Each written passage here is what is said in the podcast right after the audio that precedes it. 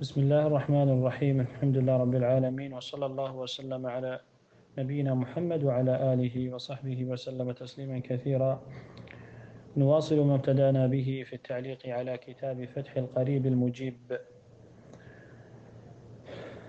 قال الماتن وهو صاحب شرح وهو صاحب متن الغاية والتقريب والماء النجس وهو الذي حلت فيه نجاسة وهو دون القلتين أو كان قلتين فتغير والقلتان خمسمائة رطل بالبغدادي تقريبا على الأصح. قال الشارح والقسم الرابع ماء النجس أي متنجس. والمتنجس يعني قلنا ماء يعني سقط فيه يعني آه، بول أو غائط أو دم أو مذي. قال وهو قسمان أحدهما قليل. قسم لك الماء النجس قسمان. ماء قليل الذي هو دون القلتين. قال وهو الذي حلت فيه نجاسة. حلت يعني سقطت فيه نجاسة فتغير. نجاسة تغير أو لم يتغير. قال وهو أي والحال أنه ماء دون القلتين.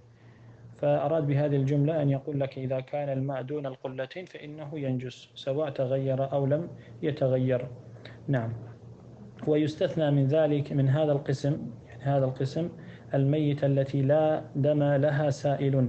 والميتة التي لا دم لها سائل هو كالذبابة. فالذباب إذا قتلتها ليس فيها دم وهكذا البق لو قتلته ليس فيه دم. وهذا بخلاف الشاة الشاة لو ذبحتها فالدم يخرج كثير منها. فهذه تسمى الميتة التي لا دم لها سائل.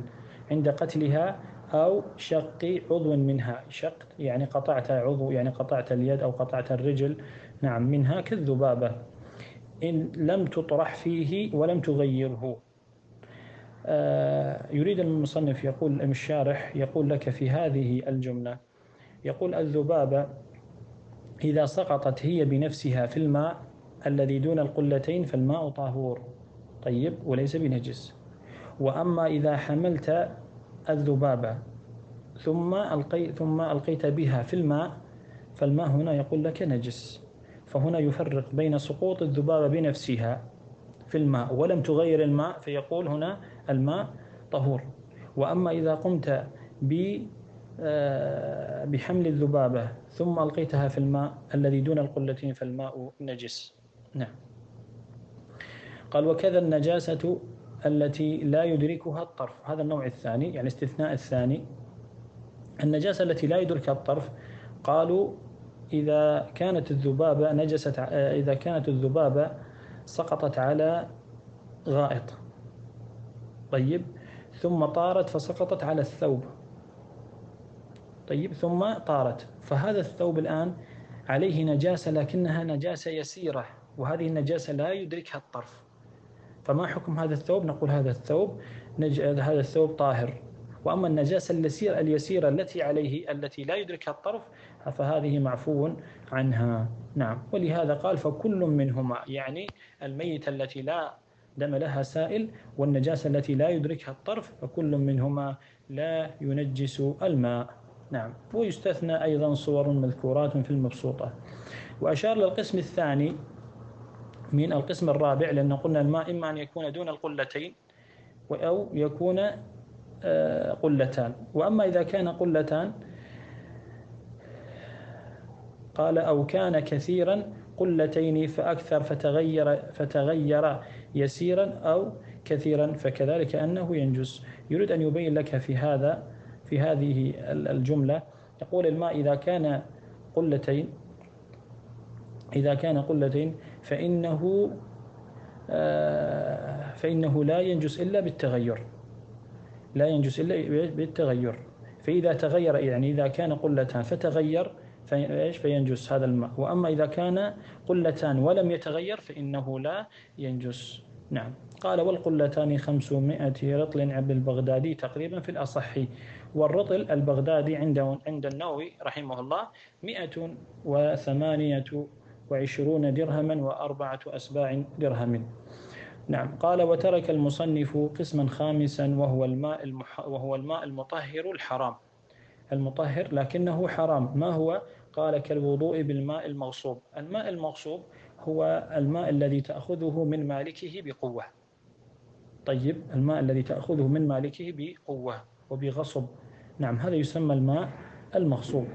أو الماء المسبل للشرب. الماء المسبل هو الذي يكتى هو الذي يجعل في الطرقات وكذلك في الأسواق. يقولون هذا في سبيل الله. ماء شرب في سبيل الله.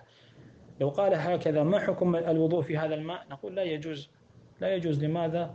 لأنه هذا سبله لأن مالكه سبله. قال في سبيل الله للشرب. نعم هذا يسمى الماء المسبل. قال رحمه الله فصل قال الماتن يعني صاحب متن الغاية والتقريب في ذكر شيء من الأعيان المتنجسة وما يطهر منها بالدباغ وما لا يطهر وجلود الميتة تطهر بالدباغ إلا جلد الكلب والخنزير وما تولد منهما أو من أحدهما وعظم الميتة وشعرها نجس إلا الآدمي قال الشارح في فصل ذكر شيء من الأعيان المتنجسة وما يطهر منها بالدباغ وما لا يطهر. وجلود الميتة كلها تطهر بالدباغ وهذا قاعدة عندك في المذهب في مذهب الشافعي أصل وقاعدة هو أن جميع جلود الميتة تطهر بالدباغ. قال سواء في ذلك سواء في ذلك ميتة مأكول اللحم والمأكول اللحم الإبل والبقر والغنم والغزالة وغير ذلك وغيره وغيره والمراد بغيره يعني غير مأكول اللحم كالأسد والنمر والفهد طيب والحمار. فهذه الحيوان كلها كل ميتة فإنه يدخل جلدها بالدباغ. نعم. قال وكيفية الدباغ هو أن ينزع فضول الجلد. والمراد بفضول الجلد قلنا الذي يكون في الفضل يعني من شعر وكذلك من دم وكذلك اللحم الذي من الذي المتبقي من الميتة وكذلك العفون والرائحة. ولهذا قال مما يعفنه من دم يعفنه يعني يظهر فيه رائحة رائحة كريهة من دم ونحوه بشيء حريف. والحريف قلنا هو الذي يلذع اللسان يلذع اللسان بحدته وحرارته مثل الليمون. فالليمون إذا جعلت الليمون على طرف اللسان تجد فيه حرارة. إذا فالليمون يصح آه، يصح يصح الدباغ فيه يصح الدباغ فيه. نعم. ولهذا قال كالعفص والعفص هو تسمى شجرة البلوط. فشجرة البلوط يصح الدباغ فيها وهي طاهرة. بالتالي لا يلزم أن تغسل الدباغ لا يلزم أن تغسل الجلد بعدها. طيب. ولو كان حري ولو كان الحريف نجس ولو كان الحريف نجسا قال كذرق الحمام. طيب. بمعنى أنك إذا إذا دبغت الجلد بذرق الحمام فهنا يجب عليك بعد ذلك أن تغسل الجلد. لماذا؟ لأن الجلد أصبح نجسا. لماذا؟ لأن ذرق الحيوان نجس. نعم. قال كفى في الدباغ. يعني يكون كافي في الدباغ. قال إلا جلد الكلب والخنزير. الكلب والخنزير في المذهب أنه نجس فكذلك جلدهما نجس. وما تولد منهما بمعنى أنه إذا نزى الكلب على الخنزير فصار بينهما ولد يعني حيوان صغير. طيب ما حكم هذا الحيوان؟ نقول هذا الحيوان الذي يتولد من من الكلب ومن الخنزير نجس طيب؟ أو من أحدهما مع طاهر. يعني عندنا خنزير لو نزل خنزير على الشاة فخرج ولد. فهذا الولد الذي كان بينهما فهذا نقول كذلك أنه آه، نجس وكذلك جلده نجس. ولهذا قال فلا يطهر بالدباغ. طيب؟ قال رحمه الله وعظم الميتة وشعرها نجس. عظم الميتة جميع جميع أجزاء الميتة نجسة. فعظم فلحمها فلحمها نجس وشحمها نجس وكذلك عظمها نجس وكذلك شعرها نجس. هذه قاعدة في المذهب. جميع أجزاء الميتة نجسة. وكذلك شعرها نجس. وكذلك الميتة التي أي كذلك الميتة أيضا نجسة. وأريد بها الزائلة الحياة يعني فاقدة الحياة بغير ذكاة شرعية. بمعنى إذا ذبحت عندنا حيوان ذبح لغير الله. ذبح لغير الله. ما حكم هذه الذبيحة؟ نقول هذه الذبيحة ميتة. طيب نجسة. لا يجوز أكلها ولا الانتفاع بجلدها. لماذا؟ لأنها نجسة. لأنها ذبحت لغير الله جل وعلا. فلا يستثنى حينئذ جنين المذكاة إذا خرج من بطن أمه إذا خرج من بطن أمه ميتا. لأن ذكاته في ذكاة أمه. أراد المصنف يريد أن يبين لك هذه الجملة وهو الاستثناء. يقول عندنا شاة ذبحنا الشاة وهذه الشاة حامل. هذه الشاة إذا خرج جنينها ميتا فهو طاهر لأن النبي صلى الله عليه وسلم يقول زكاة الجنين زكاة أمه. إذا خرج ميتا فهو طاهر يجوز أكله. طيب وإذا خرج حيا ثم مات فهنا نقول ميتة بالتاء هذا ميت لا يجوز أكله والانتفاع بجلده. فإذا نفرق في الجنين الذي يخرج. إذا خرج ميتا فنقول هذا طاهر لأن النبي صلى الله عليه وسلم قال زكاة الجنين زكاة أمه. وإذا خرج ميتا إذا خرج حيا ثم مات فنقول هذا نجس. ميتة نجسة لا يجوز الانتفاع به. فهو نقول هو ميت. نعم وأما الانتفاع بجلده يجوز في المذهب. نعم. قال وكذا غيره من المستثنيات. ثم استثنى من شعر الميتة قال إلا الآدمي. شعر الآدمي ما حكم شعر الآدمي في المذهب أنه طاهر؟ قال فإن شعره طاهر كميتته كما أن كما أن آه، الإنسان إذا مات فإنه طاهر فكذلك الشعر الذي عليه أنه طاهر وليس بنجس. قال رحمه الله فصل في بيان ما يحرم استعماله من الأواني وما يجوز. قال صاحب آه، صاحب متن الغاية والتقريب ولا يجوز استعمال أواني الذهب والفضة ويجوز استعمال غيرها من الأواني غيرها من الأواني. قال الشارح قال الشارح فصل في بيان ما يحرم استعماله من الأواني وما يجوز.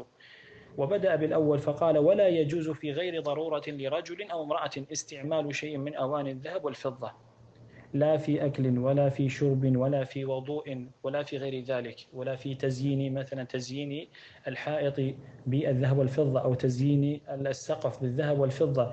كل هذا يحرم في المذهب. إذا لا يجوز المراد بهذه الجملة أنه لا يجوز استعمال أواني الذهب والفضة سواء كان للرجل أو المرأة في الأكل وكذلك في الشرب وكذلك في الوضوء يعني إناء فيه وضوء فيه ماء يتوضأ فيه. نعم. قال وكذا يحرم استعمال ما ذكر ما ذكر يحرم اتخاذه. الفرق بين الاستعمال وبين الاتخاذ. الاستعمال هو إباحة وإباحة هو التلبس بالانتفاع به. بمعنى عندك إناء من ذهب فتأكل به. فيقولون هنا استعمله فالاستعمال هو آه، هو التلبس بالانتفاع به. وأما الاتخاذ فالاتخاذ هو أن تتخذه للزينة. فعندك إناء تجعله للزينة من غير أن تستعمله يعني من غير أن تأكل فيه من غير أن تشرب فيه. فهذا يسمى اتخاذ. إذا هذا هو الفرق بين الاستعمال وبين الاتخاذ. في المذهب أن الاستعمال يحرم. وكذلك الإيش؟ وكذلك الاتخاذ. قال ويحرم اتخاذه من غير استعمال في الأصح. كذلك يحرم استعمال آه، اتخاذ أواني الذهب والفضة. قال رحمه الله ويحرم أيضا الإناء المطلي. المطلي يعني المخلوط بذهب أو فضة. طيب إذا عندنا ماء ومخلوط فيه ذهب وفضة. قال يحرم لكن بشرط. قال إن حصل من الطلي شيء بعرضه على النار. يريد أن يبين لك يقول لك هذا الإناء الذي المخلوط بالذهب والفضة إذا عرضته على النار فخرج الذهب لأن الذهب إذا عرض على الماء يبدأ يخرج يبدأ يسيل. إذا عرض إذا عرضته على النار فبدأ يخرج الذهب فقال فبدأ يعني يظهر الذهب فهذا يحرم الإناء. لماذا؟ آه لأن هذا الإناء فيه ذهب وفضة. ذهب. طيب. وإذا عرضت عندك إناء مطلي بالذهب أو الفضة وعرضته على النار ولم يخرج منه لا ذهب ولا فضة فنقول هنا لا يحرم هذا الإناء. نعم. ولهذا قال ويحرم الإناء المطلي بالذهب والفضة إن حصل من الطلي شيء بعرضه على النار. طيب يعني إذا حصل إذا خرج الذهب أو الفضة فهنا يحرم هذا الإناء وإذا لم يخرج الذهب والفضة فإنه لا يحرم. قال رحمه الله ويجوز استعمال إناء غيرهما. يعني غير الإناء يعني غير الذهب والفضة من الأواني النفيسة كإناء الياقوت وكذلك النحاس وكذلك الحديد وكذلك إذا كان إناء من خشب. نعم كل ذلك يجوز. نعم. قال رحمه الله ويحرم الإناء المضبب. الإناء المضبب عندك إناء انكسر طيب فجعلت في الكسر ذهب أو فضة. جعلت في الكسر فضة. ما حكم هذا؟ هذا يسمى الماء الإناء المضبب. إذا الإناء المضبب عندك إناء مكسور فجعلت في الشق وفي هذا الكسر جعلت فيه فضة. يسمى ماء يسمى إناء مضبب. قال ويحرم الإناء المضبب بضبة كبيرة عرفا يعني في عرف الناس أن هذه الضبة كبيرة لزينة. إذا كانت هذه الضبة كبيرة لزينة يعني من غير استعمال أنه يحرم استعماله أنه يحرم هذا الإناء استعماله. طيب فإن كانت فإن كانت كبيرة يعني الضبة كانت كبيرة لكن لحاجة تريد أن تستعمله لأكل أو شرب جاز مع الكراهة. لماذا؟ لأن مع الكراهة لأن الضبة كبيرة. أو صغيرة يعني الضبة صغيرة عرفا في عرف الناس لزينة. لكن تريد أن تجعله هذا الإناء للزينة. كرهت. هذا كره هذا الإناء. أو لحاجة يعني ضبة يسيرة. طيب. لكن لحاجة. قال فلا تكره. إذا الصور عندنا أربع صور في الإناء المضبب بالفضة. إذا كانت ضبة كبيرة لكن لزينة فهنا يحرم وإذا كانت ضبة كبيرة لكنها لحاجة فتجوز مع الكراهة. الثالث إذا كانت ضبة يسيرة يعني صغيرة لكن لزينة فإنها تكره وإذا كانت الرابع إذا كانت ضبة يسيرة لكن لحاجة فلا تكره. قال أما ضبة الذهب فتحرم مطلقا.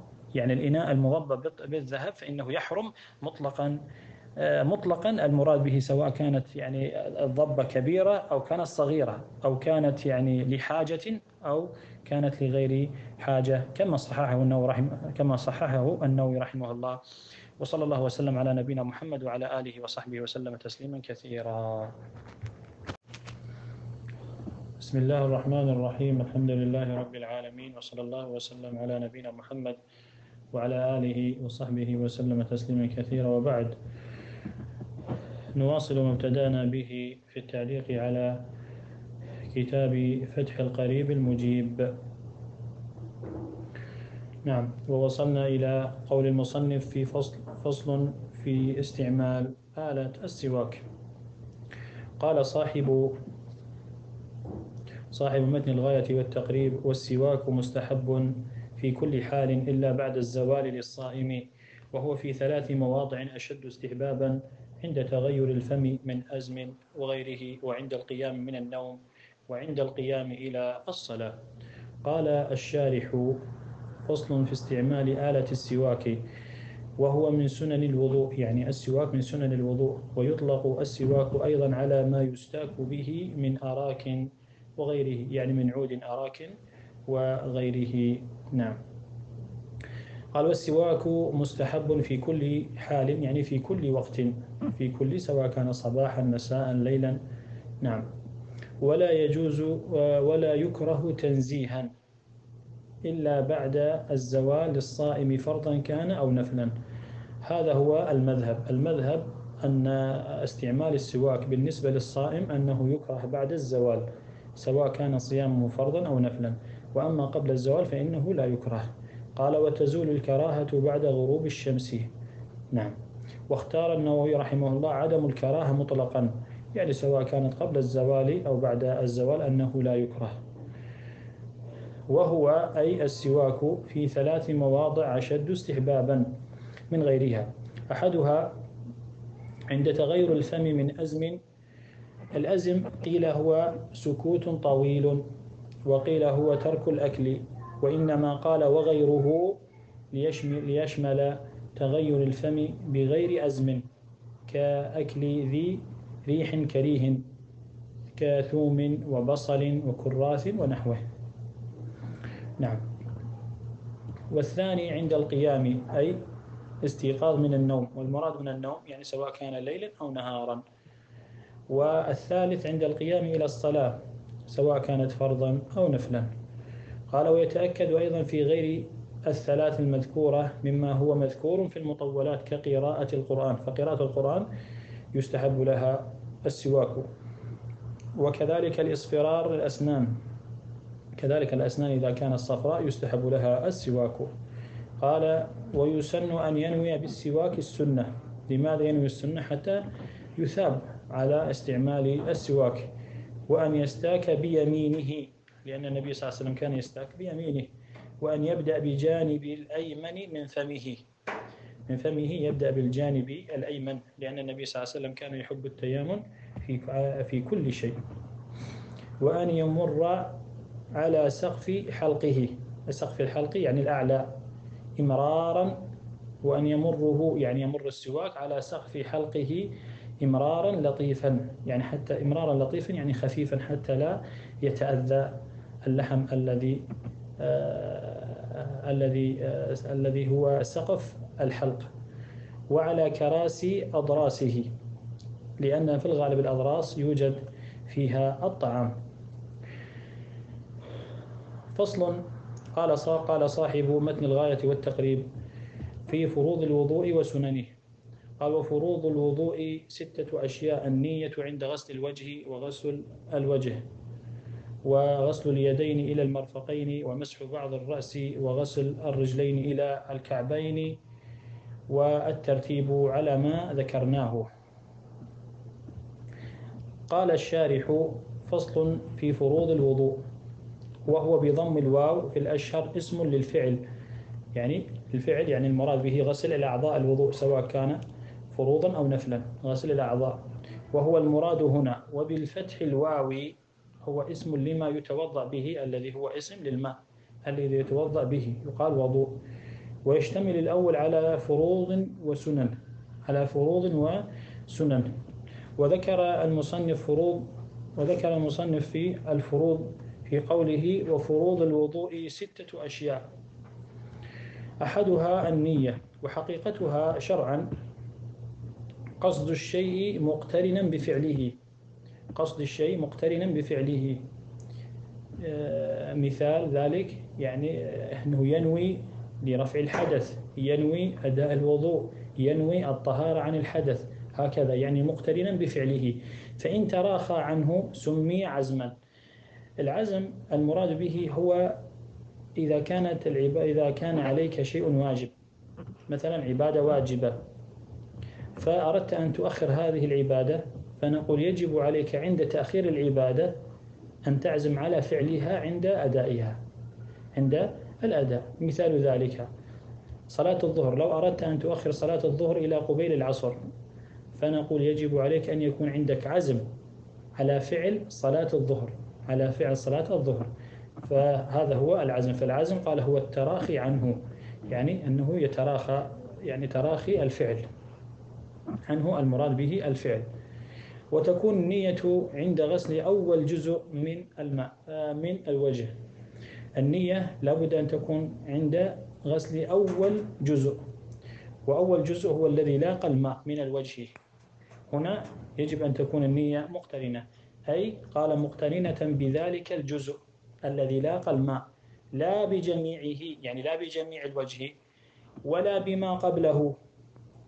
لأن قبل الوجه هو هي سنن كغسل اليدين والمضمض والاستنشاق فالمضمض والاستنشاق هذه سنن الوضوء. متى يثاب عليها؟ يثاب عليها أنه إذا نوى يثاب عليها. وأما إذا لم ينوي فإنه لا يثاب عليها. هكذا المذهب. وما بم وما ولا بما بعده. الذي بعد غسل الوجه اليدين. فلو نوى آه، فلو نوى عند غسل اليدين فهنا نقول الوضوء لا يصح. لماذا؟ لأنه ترك نية غسل الوجه وغسل الوجه من فروض الوضوء. ولهذا قال المصنف ولا بما بعده. نعم. قال فينوي المتوضأ عند غسل ما ذكر. الضمير ما ذكر يعود يعني على يعني يعني على غسل الوجه. رفع رفع رفع حدث من أحداثه. الحدث يعني من أحداثه كمن بال أو أو تغوط أو نام. نعم. رفع حدث من أحداثه أو ينوي استباحة مفتقر إلى الوضوء. والذي يفتقر إلى الوضوء مثلا مثلا نوى استباحة الطواف لأنه يفتقر الوضوء. نوى مس المصحف لأنه مفتقر الوضوء. نوى لحمل المصحف لأنه مفتقر إلى الوضوء. نوى لصلاة النافلة لأنها مفتقرة إلى وضوء أو ينوي فرض الوضوء أو ينوي الوضوء فقط أو الطهارة عن الحدث. طيب إذا هذه الصور خمس صور إما أن ينوي قال أن ينوي رفع الحدث أو أن ينوي استباحة مفتقر إلى وضوء أو ينوي فرض الوضوء أو ينوي الوضوء فقط أو ينوي الطهارة عن الحدث. قال فإن لم يقل عن الحدث لم يصح. قال أو الطهارة عن الحدث فإن لم ينوي فإن لم يقل عن حدث لم يصح لماذا؟ لأنه إذا قال عن لأنه إذا قال لأنه إذا نوى الطهارة فقط فهذا لا يصح لماذا؟ لأن الطهارة تطلق ويراد بها النظافة فلو توضأ لأجل التبرد لا لأجل العبادة فهنا إيش يسمى طهارة لكنه لا يثاب عليه إذا هنا لا بد أن يكون إيش؟ أن يقول الطهارة عن الحدث. هذا لا بد من القيد. الطهارة عن الحدث. فلو نوى الطهارة فقط فهنا لا يصح لأن الطهارة تطلق ويراد بها إيش؟ آه للتبرد وتطلق تطلق ويراد بها التنظيف. نعم وتطلق ويراد بها العبادة. فلا بد من القيد يقول عن حدث. نعم. قال وإذا نوى ما يعتبر من هذه النيات. هذه الضمير يعود على هذه الصور الخمسة التي ذكرناها. قال أن ينوي رفع الحدث أو أن ينوي استباحة الوضوء أو ينوي رفع فرض الوضوء. نعم. يقول وإذا نوى ما يعتبر من هذه النيات وشر وشرك معه نية تنظيف أو تبرد صح وضوءه. يريد أن يبين لك المصنف في هذه العبارة. يقول لك إذا نوى رفع الحدث ونوى مع رفع الحدث التبرد. يعني شرك في النية. يعني عنده الآن نيتان. نية رفع الحدث ونية التبرد. ما حكم هذا الوضوء؟ نقول وضوءه صحيح. كذلك عندنا رجل نوى نية, إيش؟ نية رفع الحدث ونية التنظيف. فنقول كذلك وضوءه صحيح.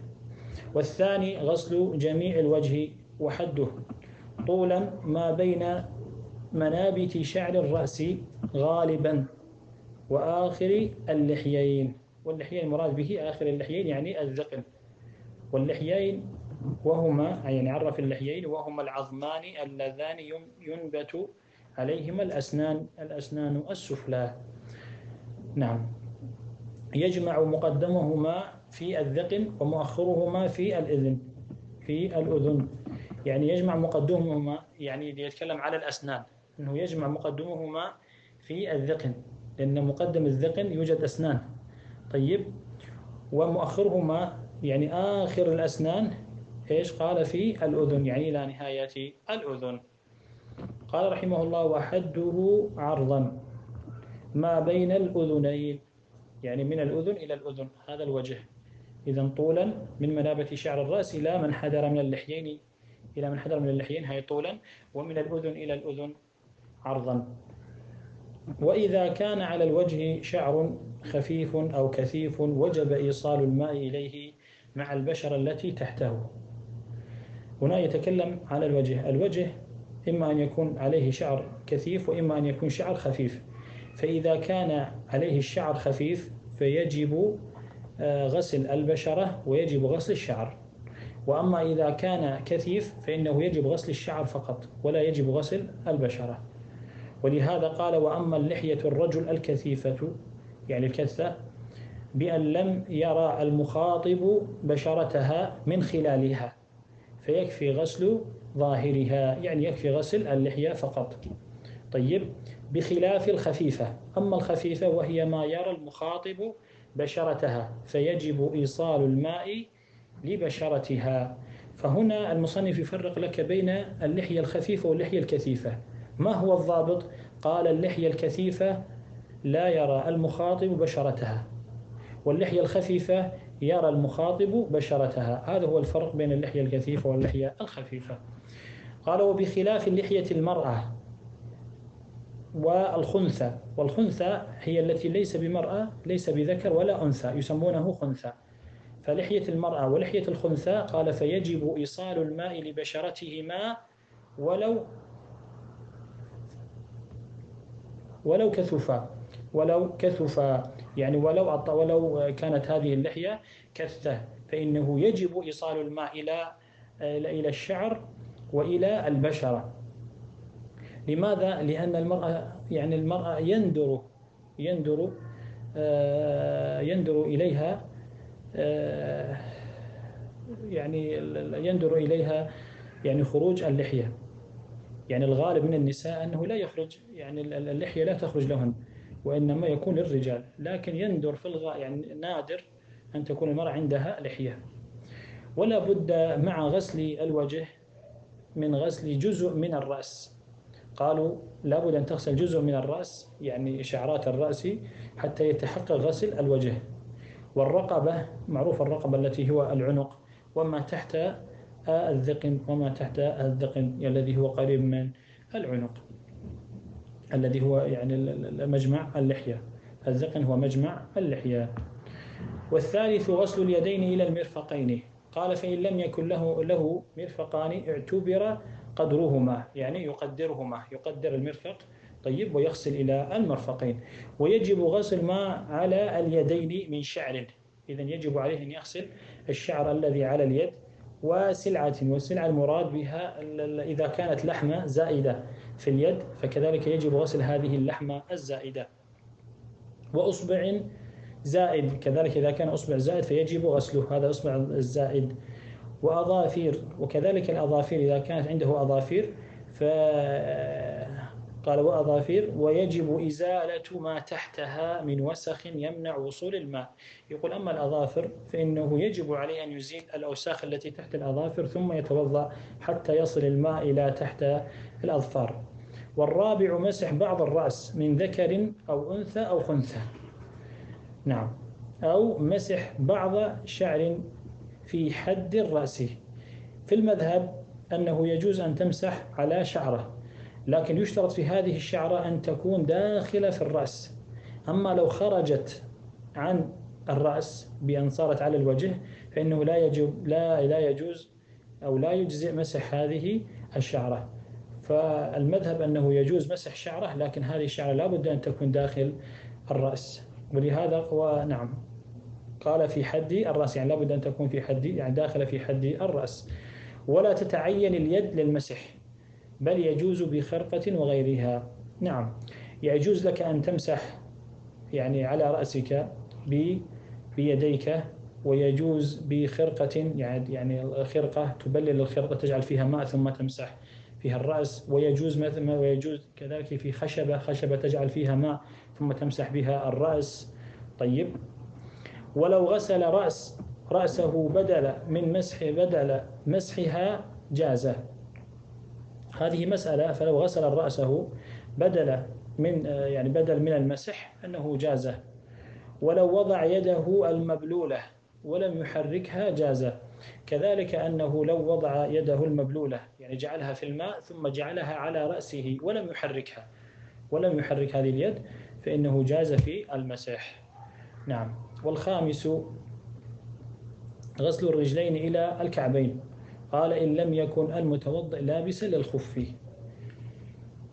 فإن كان لابسا فإن كان لابسهما يعني لابس الخف وجب عليه مسح الخفين وجب عليه مسح الخفين. أو غسل أو غسل أو غسل الرجلين. يعني إذا لم إذا لم يلبس الخفين فإنه يغسل الرجلين. ويجب غسل ما عليهما من شعر. يعني ويجب غسل ما عليهما يعني الرجلين.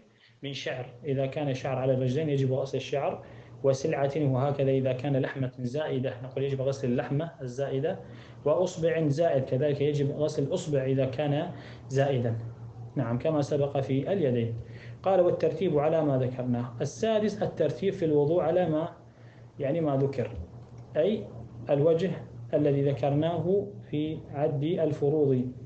نعم يعني الوجه واليدين ثم مسح الرأس ثم الرجلين هكذا الترتيب. فلو نسي الترتيب لم يكفي يعني لم يكفي الوضوء لم يصح الوضوء. ولو غسل أربع أعضاء دفعة واحدة بإذنه ارتفع حدث وجهه فقط. فلو غسل ويتصور هذا أنه إذا انغمس بالماء انغمس بالماء ثم خرج. طيب فإنه هذا نقول أنه يرفع حدث الوجه فقط. بالتالي راح يمسح بعدها يغسل اليدين وبعدها يمسح الرأس ثم يغسل الرجلين. والله أعلم. وصلى الله وسلم على نبينا محمد وعلى آله وصحبه وسلم تسليما كثيرا.